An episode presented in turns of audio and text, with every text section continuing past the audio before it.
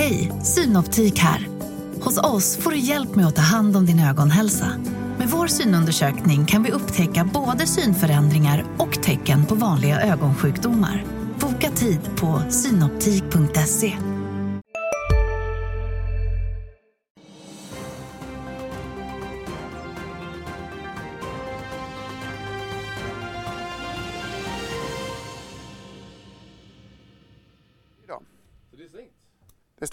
måndag. Vi går in i årets fattigaste vecka. Oxveckor säger några också långt till nästa lov. Men på börserna i Kina så är stämningen desto bättre. Så kan vi också säga om bitcoin, kryptovalutan. Det är den 16 januari idag. Du tittar på Börsmorgon. I dagens program ska vi prata om eh, lyk, lyko och lyxkonsumtion i Sveriges tider, den så kallade läppstifts, äh, eh, ursäkta, läppstifts, läpps, läppstiftseffekten. Tack Agneta! Vi ska prata valuta också och eh, även traditionell valuta, inte bara bitcoin. Och så ska vi snacka EQT med Esbjörn Lundevall som är med oss lite längre fram i programmet. Agneta Jönsson från DI eh, som kan säga läppstips... Eh, nej, jag kan inte. Jag slutar försöka. Och Peder Durier från Aktieansvar. Kul att ha er med båda två. Tack Agneta Tack. för inledningen. Peder, Tack. Eh, du ska prata mycket valutor idag. En, även om du anser att bitcoin är en valuta, men den har i alla fall gått väldigt starkt. Ja, den har gått anmärkningsvärt starkt. Ehm, men, men det är ingen eh, valuta som jag följer. Eh, vi har en graf från eh, Nils Brobacke som twittrade i helgen om att den har gått upp på 21 000 dollar. Jag tycker ändå det är anmärkningsvärt att den inte har liksom gått svagare under den väldigt oroliga tid vi har haft bakom oss och nu är tillbaka. Någon tanke kring risksentimentsindikationen eller vilka signaler man kan dra det här? Men du har, du har haft en jättestor korrelation mellan kryptovalutorna, hela gänget och risk on respektive risk off då. Och det är lite konstigt egentligen från början. Man hade tänkt mig att det kanske skulle vara lite tvärtom, lite safe haven och så, men det har absolut inte funkat. Så den här uppgången nu tolkar jag utan att kunna någonting särskilt om det, att det faktiskt är att man tar lite större riskaptit igen. Mm. Större riskaptit i Kina också nämnde jag, har gått starkt under natten. Dålig bostadsstatistik därifrån men också nya stimulanser om jag tolkar det rätt ifrån eh, kinesiska centralbanken. Peder, har du någon kort kinesisk spaning?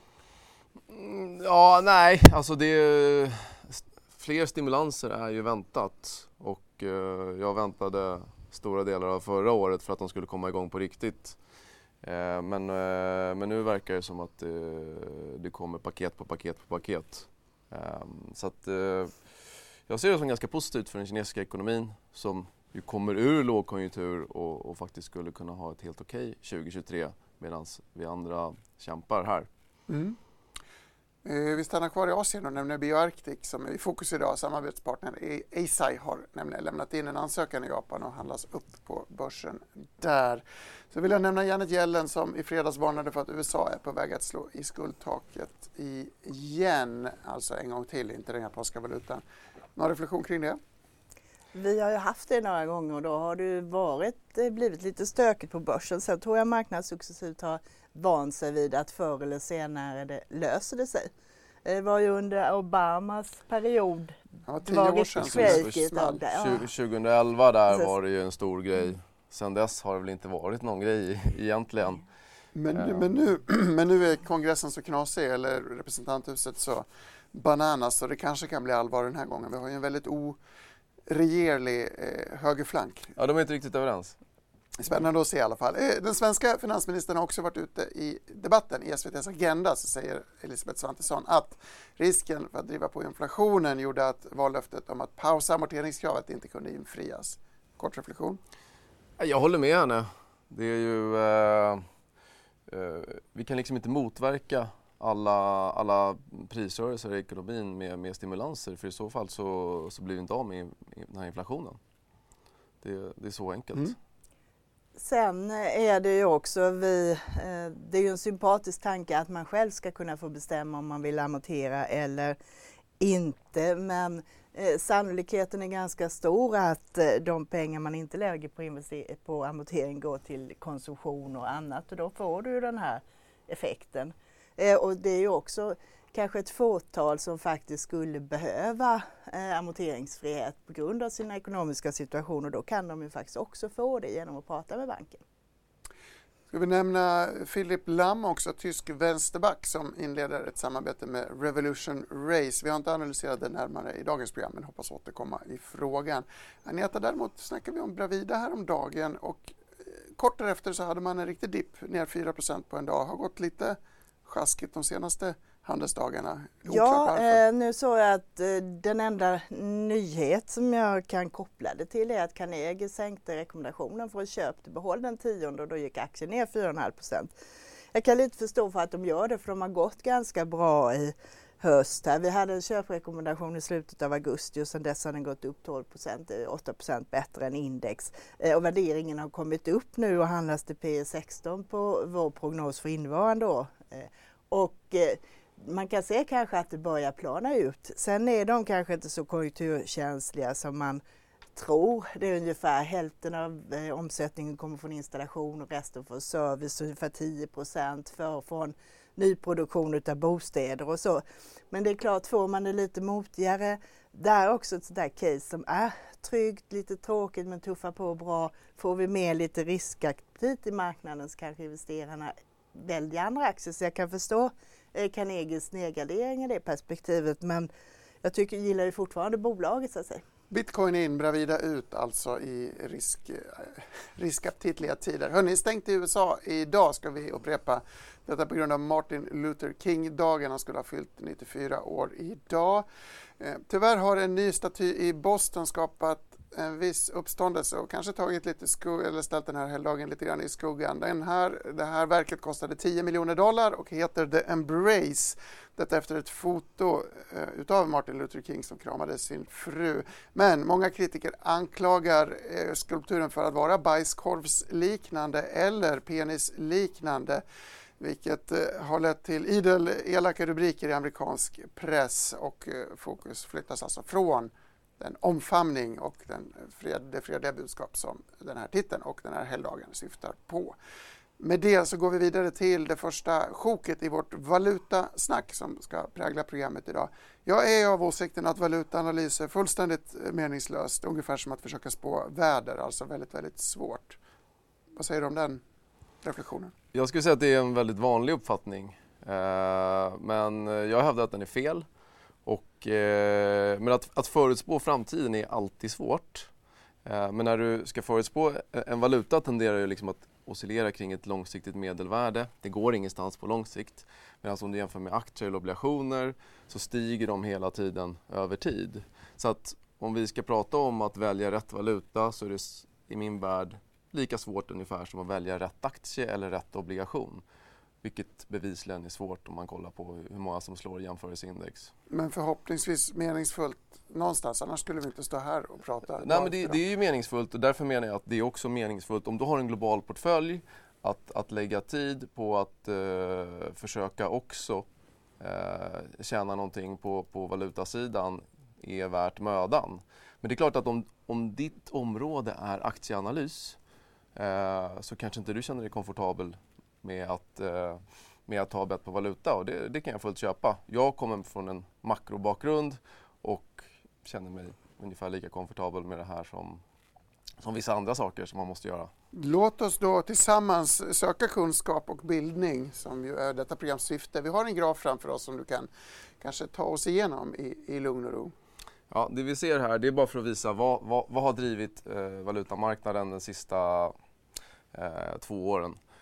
Och, och jag skulle säga att det, den stora grejen som styr eh, det är ju vad får du som investerare för kompensation efter inflation i varje valuta. Och det är alltid ett relativt spel. Det är alltid ett valutapar eller en valutakorg, så det är alltid en valuta mot en annan.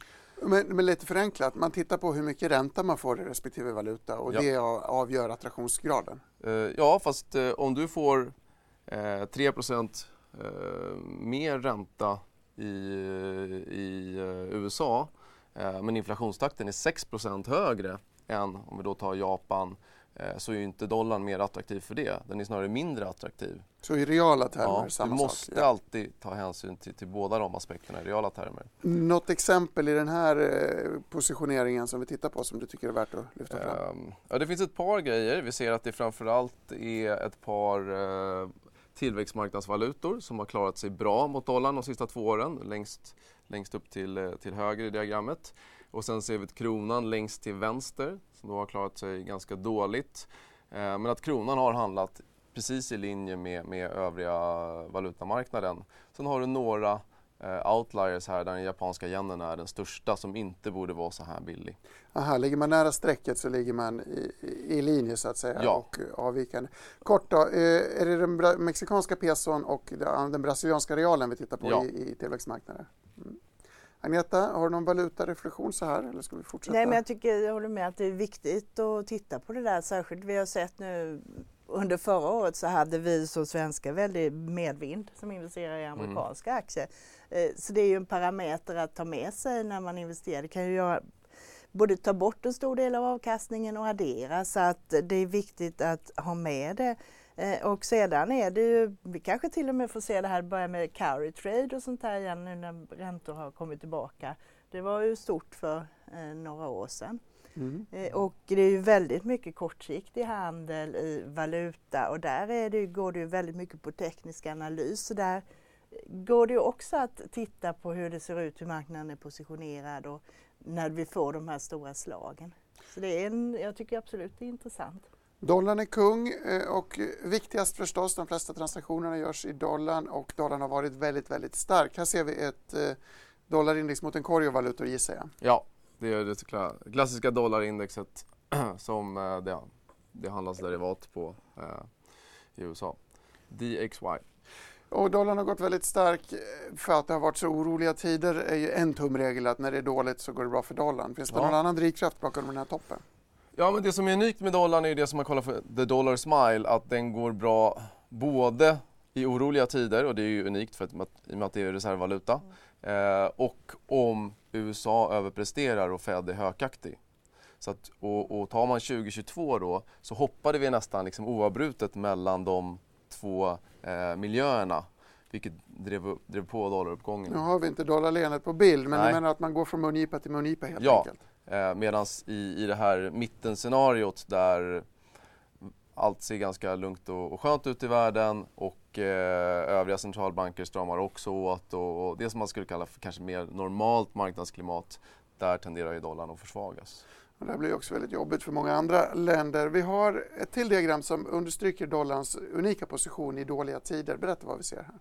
Mm, det vi ser här är hur, doll, dollarn, hur mycket dollarn har stärkts mot kronan under de tio sämsta kvartalen för fyra olika tillgångs, tillgångar här. Vi har aktier, statsobligationer, råvaror och guld. Så att det är olika kvartal för, för varje, eh, varje stapel. Eh, det är två stapel per, per för att ja, vi ser både medel och median. Men det man ser är att dollarn stärks nästan oavsett vad som händer. Om vill, oavsett vilken tillgång som är krisdrabbad så är eh, dollarn en bra exponering att ha i portföljen. Den kommer att sänka volatiliteten Mm. och därmed öka den riskjusterade avkastningen eh, för vilken portfölj som helst. Eh, så länge den inte långsiktigt faller i värde, vilket den inte har gjort. Mot Jätte- kronan i alla fall. Jätteintressant. En dollarbalanserare i din portfölj. Alltså, vi ska stanna kvar i dollarland och titta lite till bankerna på Wall Street, Agneta. Det kom ett gäng bankrapporter i fredags. De fick ett svagt mottagande men hämtade sig sen. Jag tror de var ner på ett par procent, 3-4 till och med på öppning men stängde upp ungefär lika mycket efter kraftiga interlagsrörelser. Ja, det man kan väl säga var att de överträffade ju, de flesta var någon som kom lite under förväntan men de andra var ju prognoserna var ju bättre och det som går bra är ju ska jag säga, den vanliga retailverksamheten. Så säger man gynnas utav de högre räntorna ungefär som vi ser i våra nordiska banker och den verksamheten. Däremot har det ju varit tuffare på investmentbanksidan och det var vi ju medvetna om också och sen var det ju lite varningar för eh, sämre tider framöver men det var ingen nyhet heller. Så, att så kanske lite av en icke-händelse. Nu har inte jag läst i detalj men jag såg liksom inget som är sådär som sticker ut eh, och hänger upp sig på. Jag vill tillägga att Goldman Sachs och Morgan Stanley rapporterar imorgon eh, och schweiziska, ursäkta, svårt att säga läppstift, svårt att säga Schweiz. Men eh, Credit Suisse planerar att varsla mer än 10% av personalstyrkan i Europa vilket innebär att hundratals jobb går förlorade i London och Zürich, skriver Financial Times. Det här har vi pratat om sist du var här, att det är ganska vanligt för bankerna att göra så här framförallt när det gäller investmentbanksdelen att man eh, skalar upp när det är bra tider och man drar ner när det är dåliga tider. Och Eh, det är ju också delvis därför som att lönerna är mycket högre i den typen utav jobb. Du har inte riktigt samma eh, anställningstrygghet så att säga men eh, det finns goda möjligheter att tjäna bra i bra tider. Mm. Och apropå tjäna bra ska vi titta till börsens rörelser. Det är dags att gå till Studio 2 och Matilda Svensson.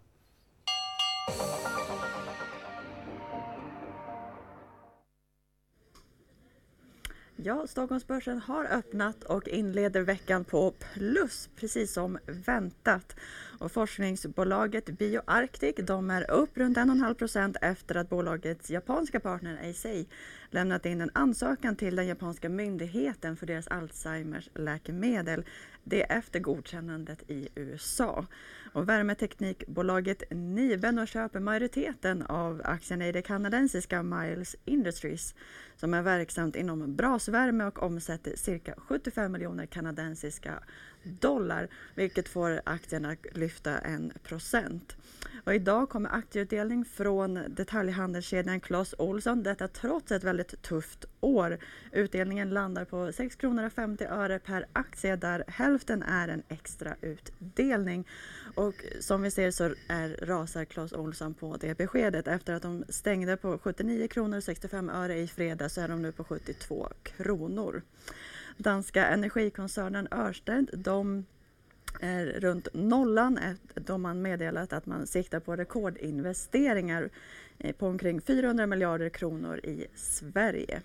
Och veckans aktie som ni kommer att prata om lite senare i programmet är ju skönhetsbolaget Lyko som rusar tvåsiffrigt idag. Och på storbolagslistan så hittar vi just nu Essity och SBB i toppen och Atlas Copco i botten. Och bland dagens rekar får, samtliga svenska storbanker och Danske Bank höjda riktkurser inför rapportsäsongen. Och där ser vi att samtliga är, ligger på plus. På minus ligger dock just nu Collector Bank minus nästan 7 då de får sänkt rekommendation av SEB och även sänkt riktkurs från 31 kronor till 28. Riktkursen skruvas upp för gruvbolaget Boliden från 450 till 520 kronor eh, och där Boliden ligger just nu runt nollan vilket även SKF gör efter att man fått höjt riktkurs till 145 från 123 kronor av Jeffries. RBC sänker rekommendationen för Atlas Copco från sektor perform till underperform och som sagt de ligger just nu i botten bland storbolagen och är ner runt en och en halv procent. Och vi har ju som sagt lite valutaspecial idag så det ska vi förstås kolla på också.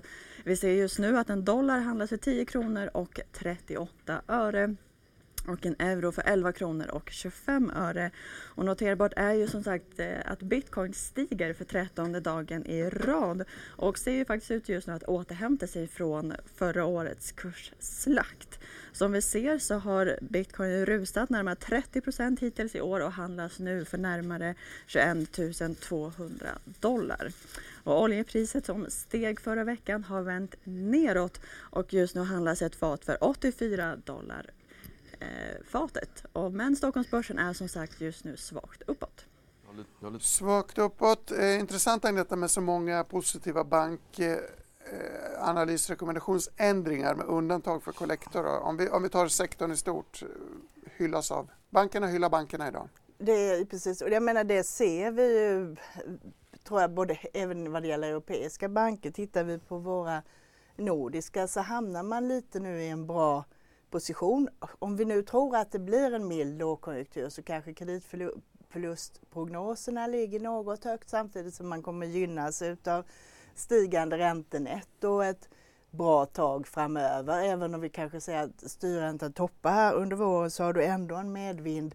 ECB började ju inte höja från en bra bit in under förra året. Och det gynnar ju till exempel Nordea och det gynnar ju också de bankerna som har en stor verksamhet i Baltikum så att du kommer ha medvind från räntan och kanske då lite extra draghjälp för att kreditförlusterna inte blir så stora som man innan har befarat. Vill du flika in något Peder? Nej, egentligen inte. Ja, bank, tumme, bank är intressant. Bank är intressant. Och på bank jobbar ju Esbjörn Lundevall som är med oss på telefon idag. Esbjörn, du ska däremot inte prata om en bank, men vi stannar kvar inom finansiell sektor i lite vidare bemärkelse, eller hur? Jajamän. Eh, jag föreslår ju då köp av EQT. Eh, och det här är ju en, ja, man kallar det väl det för alternativ kapitalförvaltare då. Framförallt är det ju private equity-fonder men även lite infrastruktur och fastighetsfonder och liknande.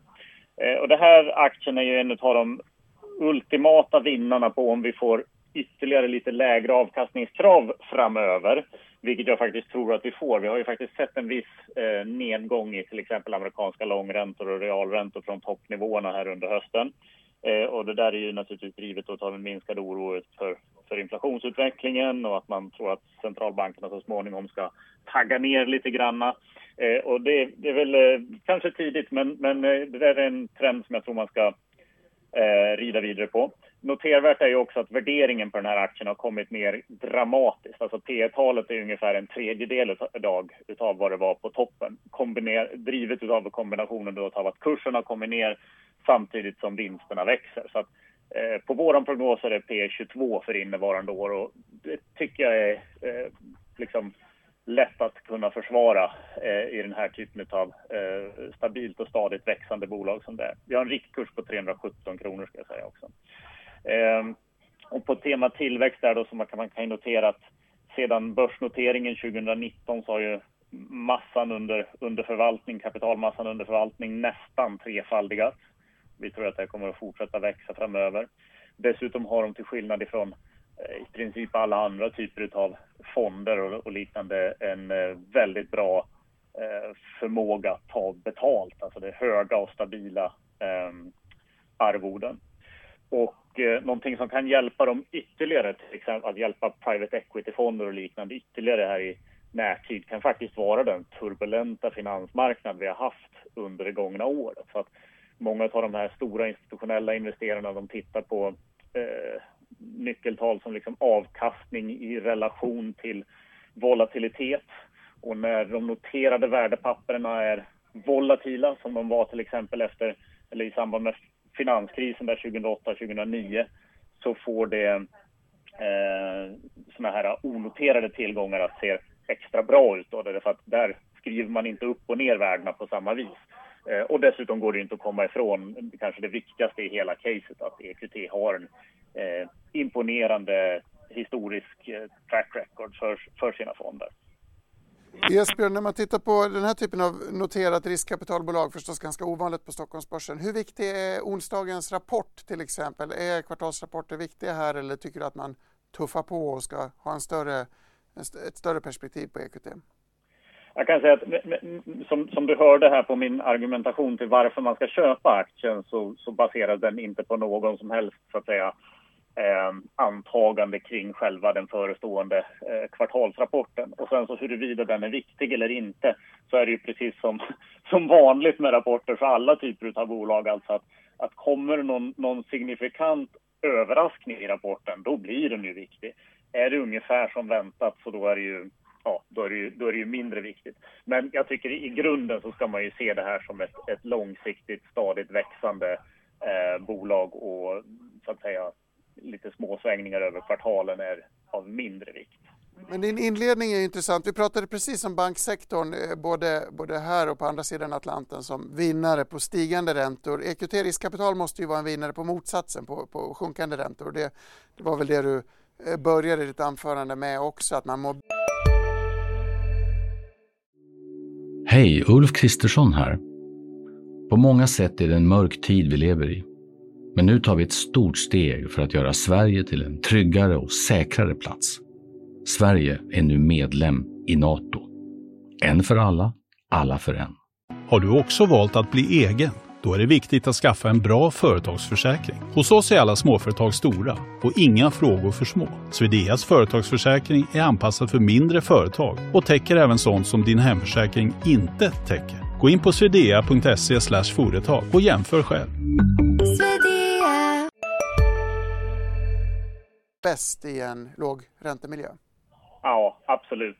Och jag tror att ganska... Nu, nu, nu, det finns ju en viss tidsförskjutning här mellan när eh, styr... Och, och det är dessutom lite, pratar vi lite grann om olika räntor tror jag. Styrräntorna ju, har ju varit jätteviktiga för, eh, för bankerna för att det lyfter deras inlåningsmarginaler. Jag tror kanske att härifrån, om, om styrräntorna går upp ytterligare något som de säkert gör, så klingar väl den effekten av lite grann. Något som är väldigt viktigt, för vi är positiva till bank också, men något som är väldigt viktigt för bankerna naturligtvis är att de har fått en förbättrad förmåga att ta betalt för kreditrisk. Men det som jag pratar om att är den främsta drivkraften för, för EQT, det är ju snarare då så att säga marknadsräntor, långa marknadsräntor. Det ser väl ut som att de toppade någonstans där i oktober ungefär och, och har kommit ner något sedan dess. Eh, och jag tror i och med att jag Titta på ledande indikatorer för inflationen och liknande så, så, så tror jag att den där eh, oron och problemen med den kommer att, att eh, fortsätta mildras här under året och då kan vi få se eh, ytterligare lite nedgång i, i långa marknadsräntor, eh, vilket skulle vara gynnsamt för EQT-aktien. Med det säger vi stort tack till Esbjörn Lundevall. Vi kan väl tillägga att Swedbank verkar vara inne på lite samma linje. I en kommentar man har släppt nu på morgonen så spår man att räntorna snart har toppat ur. Jag vill också nämna en eh, DI-artikel för att gå tillbaka till valutasnacket. Nu har Peder varit inne på det men Ulf Pettersson skrev i lördags om eh, just valutaeffekter på portföljer. Här är en liten bild för den som vill gripa in kring hur amerikanska, europeiska och svenska investerare har sett sin avkastning påverkas under de senaste tre månaderna på respektive marknad. Budskapet är väl egentligen en repris på det du sa, det här är en viktig parameter att ha med när man ska tänka på portföljrisk, att du kan genom att ha olika valutor helt enkelt smeta ut riskerna helt enkelt, lite grann. Jag tolkar det som att uh, Ulfs budskap är att, uh, att det slår åt båda hållen, att det, det skapar uh, volatilitet i portföljen. mitt budskap var kanske snarare att som kroninvesterare så gynnas man mer av det här över tid. Eh, Uffe nämnde också den klassiska devisen att H&M är en vinnare på svagare dollar och starkare euro på den kombinationen eftersom man köper kläder i dollar och eh, bolagets största marknader finns i eurozonen. Men eh, vi skriver för övrigt mycket om H&M i dagens tidning för den som vill läsa. Men jag vill ta en valutabild till som är just euron. 11.25 någonting handlas den i. Den här eh, bilden kan du väl nästan snacka oss igenom Peder. Det är dollar och ja. euro va? Ja, nu här har, vi, här har vi valt en som är dollar mot euro. Och, eh, eh, och det har vi på den vänstra axeln. Sen på den högra axeln så har vi realräntedifferensen mellan, mellan dollar och euro. Eh, och det man kan se är att sambandet har varit ganska, ganska tajt de sista 20 åren.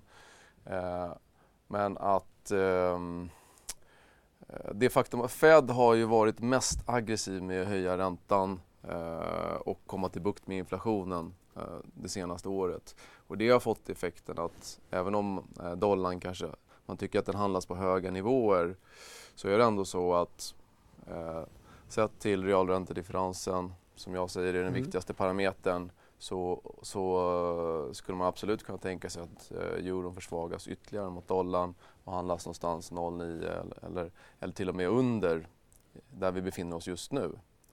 Samtidigt var jag Agneta inne på något intressant tidigare att ECB eh, e ligger lite efter och har mer höjningar i pipan framför sig än vad Fed har. Visst, visst var det ditt resonemang nyligen apropå bankerna? De kommer ju senare ur startblocken så att säga men sen kommer de förmodligen att toppa på en lägre nivå än vad mm. amerikanerna mm. toppar på så att spreaden kanske är kvar. Men det ligger ju i priset såklart. Mm. Uh, Men eh, jag, jag, tror ändå att, alltså, och det här gäller ju Riksbanken också, men att ECB, de är ju begränsade av då framförallt Italien, av hur mycket man kan höja räntan. Och, och vad händer ifall eh, de italienska statsobligationerna börjar spreada isär?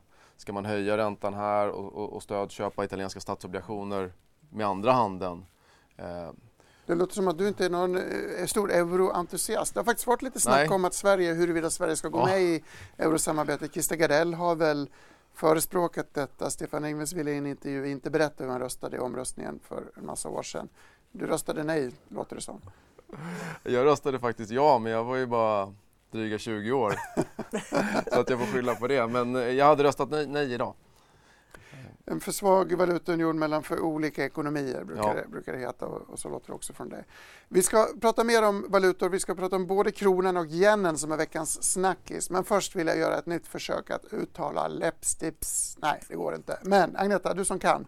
Lyko skriver om idag. Eh, har gått ganska dåligt trots att jag tycker att tillväxten i det här bolaget faktiskt är stark. Men aktien har halverats under 2022. Precis. Dels är det en värderingseffekt. Det var ju en av pandemivinnarna. Mm. De sattes ju på börsen 2017 här. Och det är ju ett bolag liksom som har rötter i Vansbro, började med frisörsalonger och sen har vuxit eh, till att eh, ha en kombination av fysiska butiker, salonger då, och försäljning online. Nu är 87 procent av försäljningen ungefär online och man har vuxit nu de senaste fem åren, har du en försäljningstillväxt i snitt på 27 procent. Så det går ju väldigt bra och därför fick du ju en sån här värdering som många andra e-handlare fick här under pandemin. Fjolåret blev en svacka, inte försäljningsmässigt men däremot la man mycket mer pengar än man brukar på marknadsföring. Det har dels en effekt av att de här eh, Google som heter sig Facebook gjorde om algoritmer så man fick investera mycket mer i marknadsföring för att driva trafik till sin sajt. Nu från tredje kvartalet eh, i 2022 så har det här börjat eh, normaliseras. Så det var en H1-effekt företrädesvis. Tyngre marginaler Ja. första halvåret, sen har det blivit bättre. Sen blir det bättre och förhoppningsvis så kommer de ha mer normala marknadsföringskostnader under året.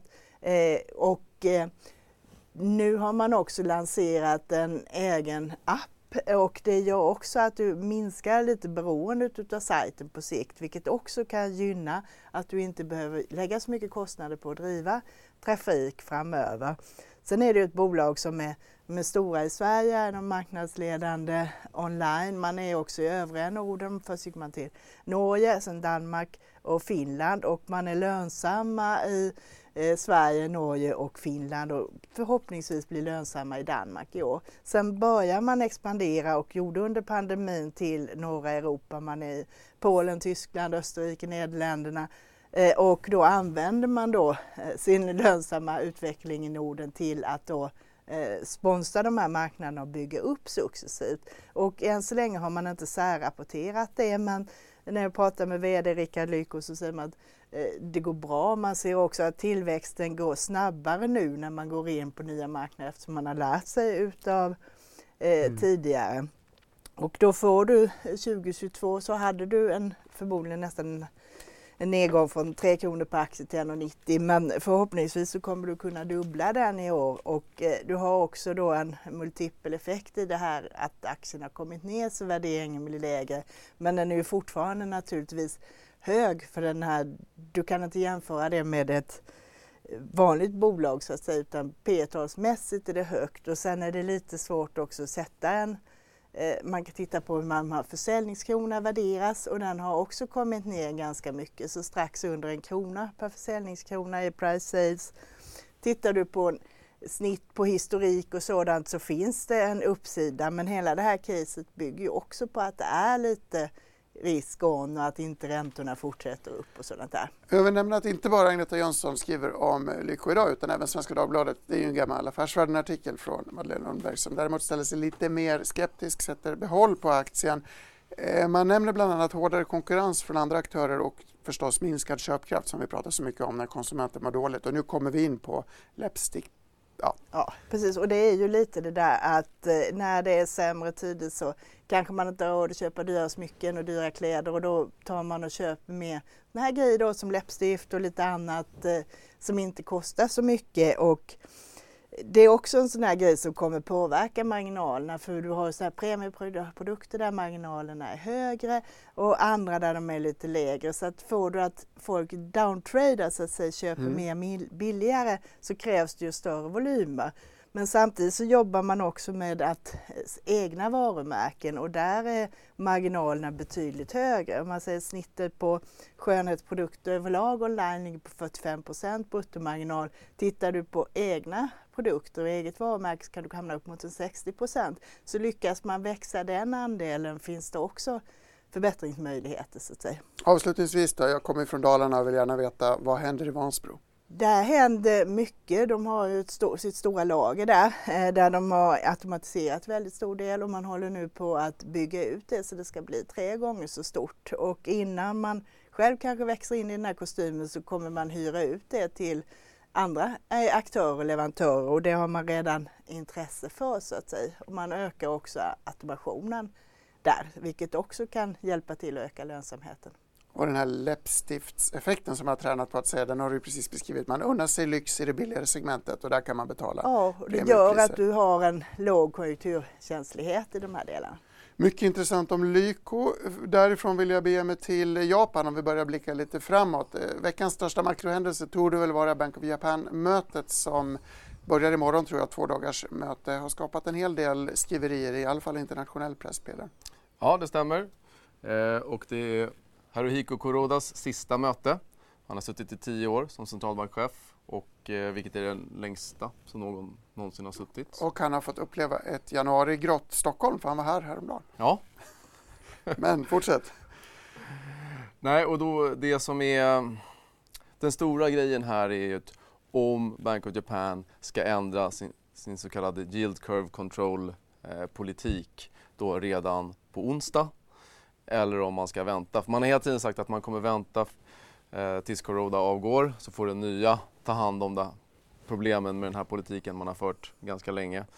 Eh, men eh, nu verkar det allt mer som att man kommer att fortsätta och, och kanske ge den som tar över ett, eh, ja, ett, eh, ett bättre utgångsläge kan man säga. Eh, jag såg rubriken The Widowmaker Trade i en artikel om just det här. Kan du beskriva den, eh, det begreppet? Ja, The Widowmaker Trade är någonting som man har pratat om de sista 20, kanske till och med 30 åren. Om att eh, man har alltid förlorat pengar om man eh, går kort japanska statsobligationer. Så att räntan har ju kommit ner och ner och ner och mm. ner och då har du haft massa, massa traders som har då velat gå kort och, och tjäna på att räntan stiger.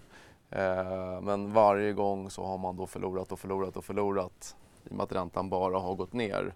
Eh, och det där var sant tills för ja, tills några år sedan.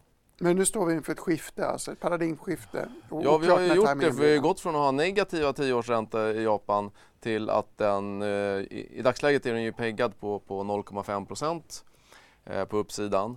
Och eh, den handlade i fredags lite över där, var uppe på, på Eh, 0,57 enligt en graf som jag hade, 0,53 skrev Financial Times, så ingen som riktigt vet. Men kollar man till exempel då jämför mot eh, den riskfria swapräntan på 10 år så är den uppe på över 1 eh, Så att det, det är ju, alltså nu, nu har man ju liksom öppnat Pandoras ask här genom att eh, man var ute och slängde ut en testballong i förra veckan och sa att eh, ja, vi funderar på att kanske flytta den här peggen ännu mer eller, eller kanske ta bort den eller någonting.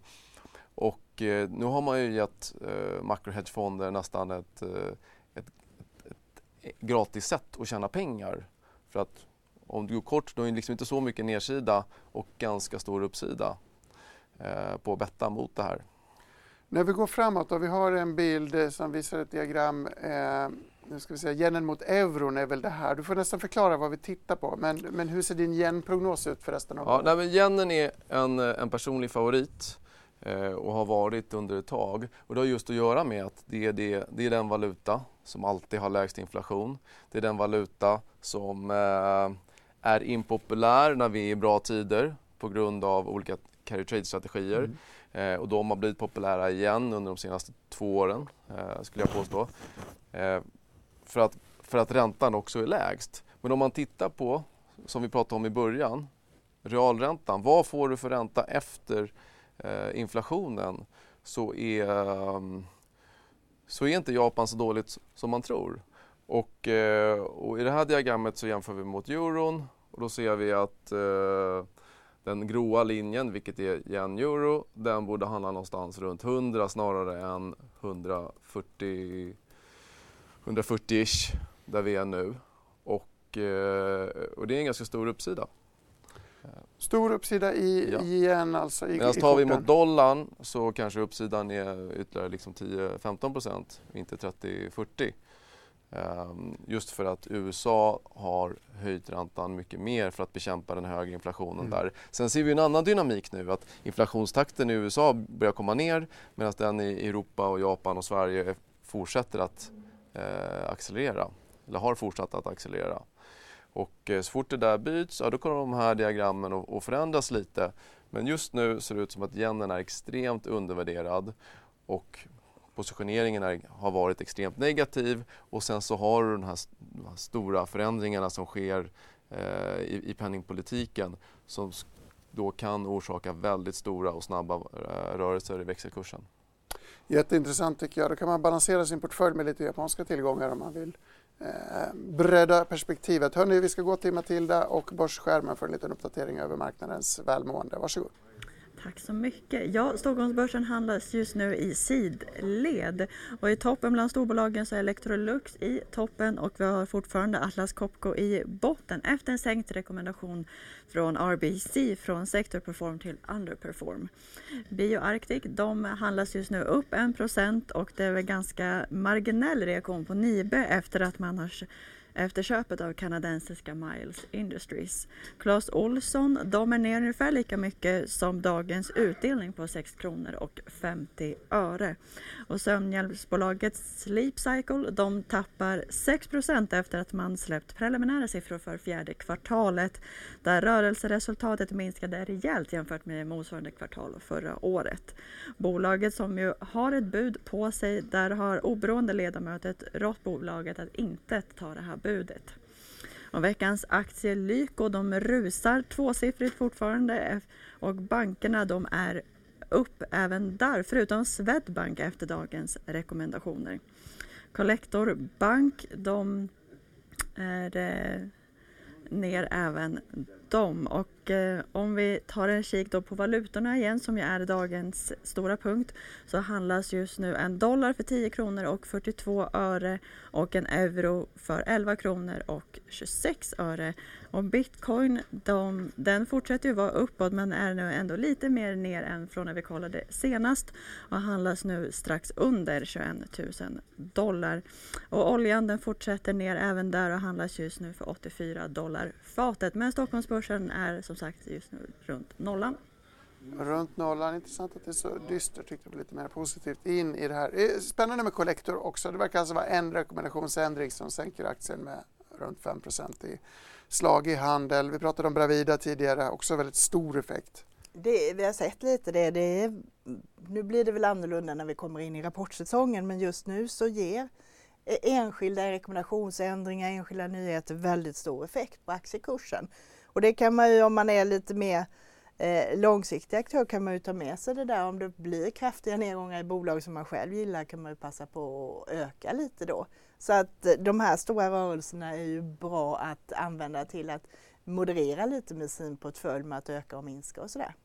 Jag tänkte vi ska runda av programmet med kraftiga nedgångar i en valuta som många gillar, nämligen den svenska kronan, detta sorgebarn. En euro kostar ju 11,25 och eh, det känns ju som att vi är någonstans mellan tillväxtmarknad och bananrepublik.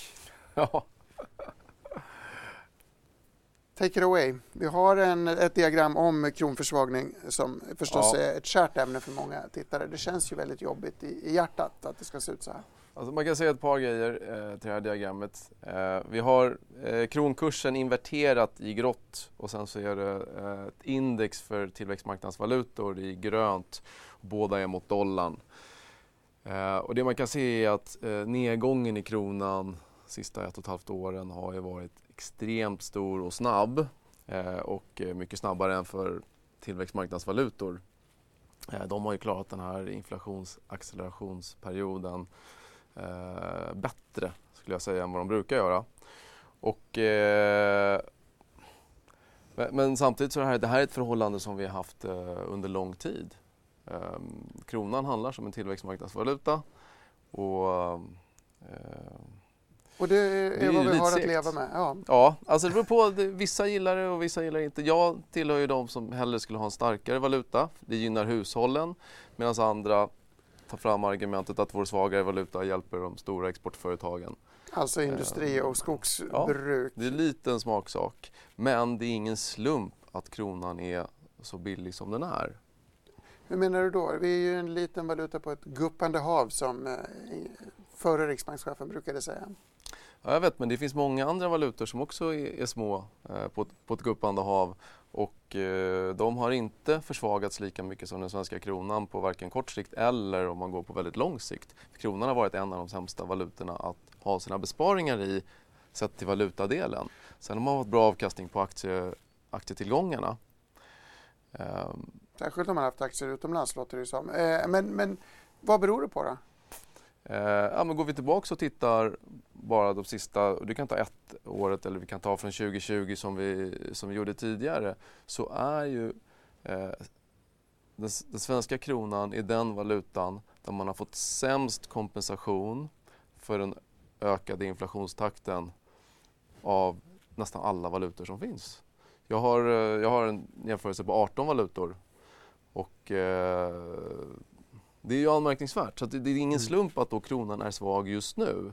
Sen kanske vi kommer ikapp och, det, eh, och så vidare och inflationstakten kommer ner och, och då kan det normaliseras. Eh, men, men, det är ingen slump att kronan är så billig nu. Ja, här har vi diagrammet. Sverige, längst till höger står ja. Sverige. Och då ser vi att ja, Brasilien har varit bäst på att höja räntan eh, i förhållande till, till inflationen och Sverige har varit sämst, näst sämst euroområdet. Eh, och här har du ju då de valutorna som jag är lite mindre optimistisk till. Eh, sen tror jag absolut att den svenska kronan på liksom 3-5 års sikt kommer att stärkas. Eh, men just här i närtid så har jag svårt att se att det skulle ta fart. Agneta, har du någon reflektion på den här strukturella svagheten? Nej, men det är som du säger, det är ju ett mönster som man har levt med hela tiden. Att, och du har ju det här med utländska investerare flyr Sverige, det är ett land, marginalinvesteringsland på aktiesidan också. Då säljer man kronor och det bidrar naturligtvis till det här. Eh, och, eh, men det är ju det är ju lite tänkvärt att det, liksom, det vi hela tiden är så pass mycket sämre. Det har inte jag tänkt på innan vad du lyfte fram ja, här. Ja, men eh, så har det varit. Det finns ju ingen garanti. Jag trodde ett tag eh, innan eh, Riksbanken bytte fot där 2013 att eh, kronan var på väg att bli en stabilare och starkare valuta för det såg ut som man var eh, det på spåret från, från krisen 93 och, och fram till tills dess. Men eh, sen svängde man ju tillbaks och hela tiden eh, ja, haft en svagare eller en mindre kraftfull penningpolitik framför allt. Vi brukar återkomma till exemplet Schweiz. Sen 70-talet mm. har vi gått från nästan paritet till någonting helt annat. Någonting det märks för alla 12 va? Ja, jag vill inte ens veta. Eh, men det är dyrt och eh, dessutom har hotellpriserna i Schweiz gått upp med 24 procent i Davos rättare sagt jämfört med förra eh, årets toppmöte. Davosmötet börjar den här veckan. Viktig hållpunkt. Det är måndag idag, tyska inflationssiffror imorgon. Kapitalmarknadsdag för System Air, Synsam och Kambi har också kapitalmarknadsdagar den här veckan. Flera rapporter, jag nämnde EQT tidigare, kommer på onsdag. VNB på torsdag är med här i studion. På fredag smäller det rejält. Ericsson, Sandvik, Investor, Avanza bland annat. Med det så får Peder Duré, Agneta Jönsson och jag, Gabriel Mellqvist, tacka för den här sändningen. Häng med oss igen i Börskoll klockan 14 och Börsmorgon imorgon samma tid, samma kanal. Ha det gott och lycka till idag.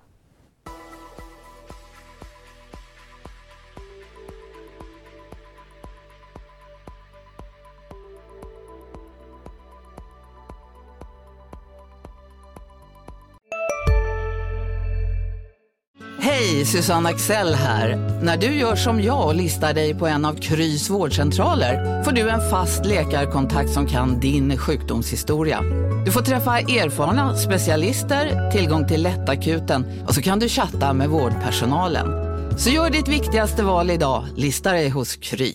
Välkommen till Maccafé på utvalda McDonalds restauranger med Baristakaffe till rimligt pris. Vad sägs om en latte eller cappuccino för bara 35 kronor? Alltid gjorda av våra utbildade baristor.